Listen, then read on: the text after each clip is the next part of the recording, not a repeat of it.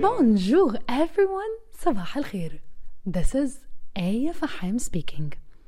episode النهاردة عبارة عن حدوتة صغنونة. ممكن تبان إن هي بعيدة قوي عننا بس الحقيقة إن هي حدوتتنا كلنا بشكل أو بآخر. ال story اسمها Two Monks and One Woman. وال monk هو الراهب اللي بيعتنق البوذية. So get ready for that. So كان يا مكان يا سعد يا إكرام كان في اتنين رهبان مسافرين مع بعض. واحد منهم كان صغير he's the junior monk. والتاني كان أكبر منه سنا وهو السينيور مونك. وهم في الطريق السفر عدوا على نهر بس كان النهر ده التيار فيه قوي وشديد جدا لدرجة إن كان في ست بقالها كتير قوي واقفة ومش عارفة تعدي لوحدها الناحية التانية. بس الست لما شافت الاتنين monks جايين عليها سألتهم لو ينفع يعدوها للناحية التانية من النهر.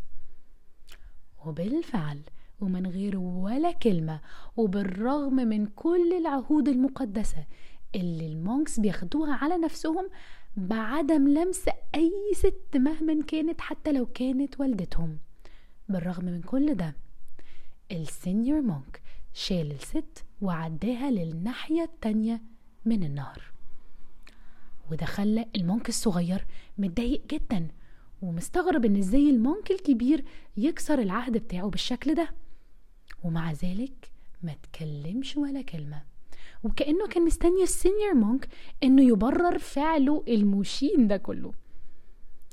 ساعة اتنين تلاتة عدوا وال monk الكبير ما فتحش بقه بأي كلمة. ساعتها بقى ال monk الصغير كان خلاص مش قادر فقام سأله وهو متعصب جدا إزاي تشيل الست دي وأنت واخد عهد مقدس على نفسك بإنك ما تلمسش أي واحدة؟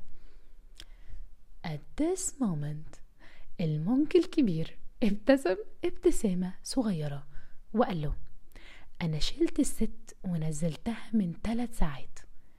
أنت ليه لسه شايلها لحد دلوقتي في دماغك? And this question hit me personally very hard. كام حاجة في حياتنا انتهت وكانت جزء من الماضي ومع ذلك لسه شايلينها في عقلنا.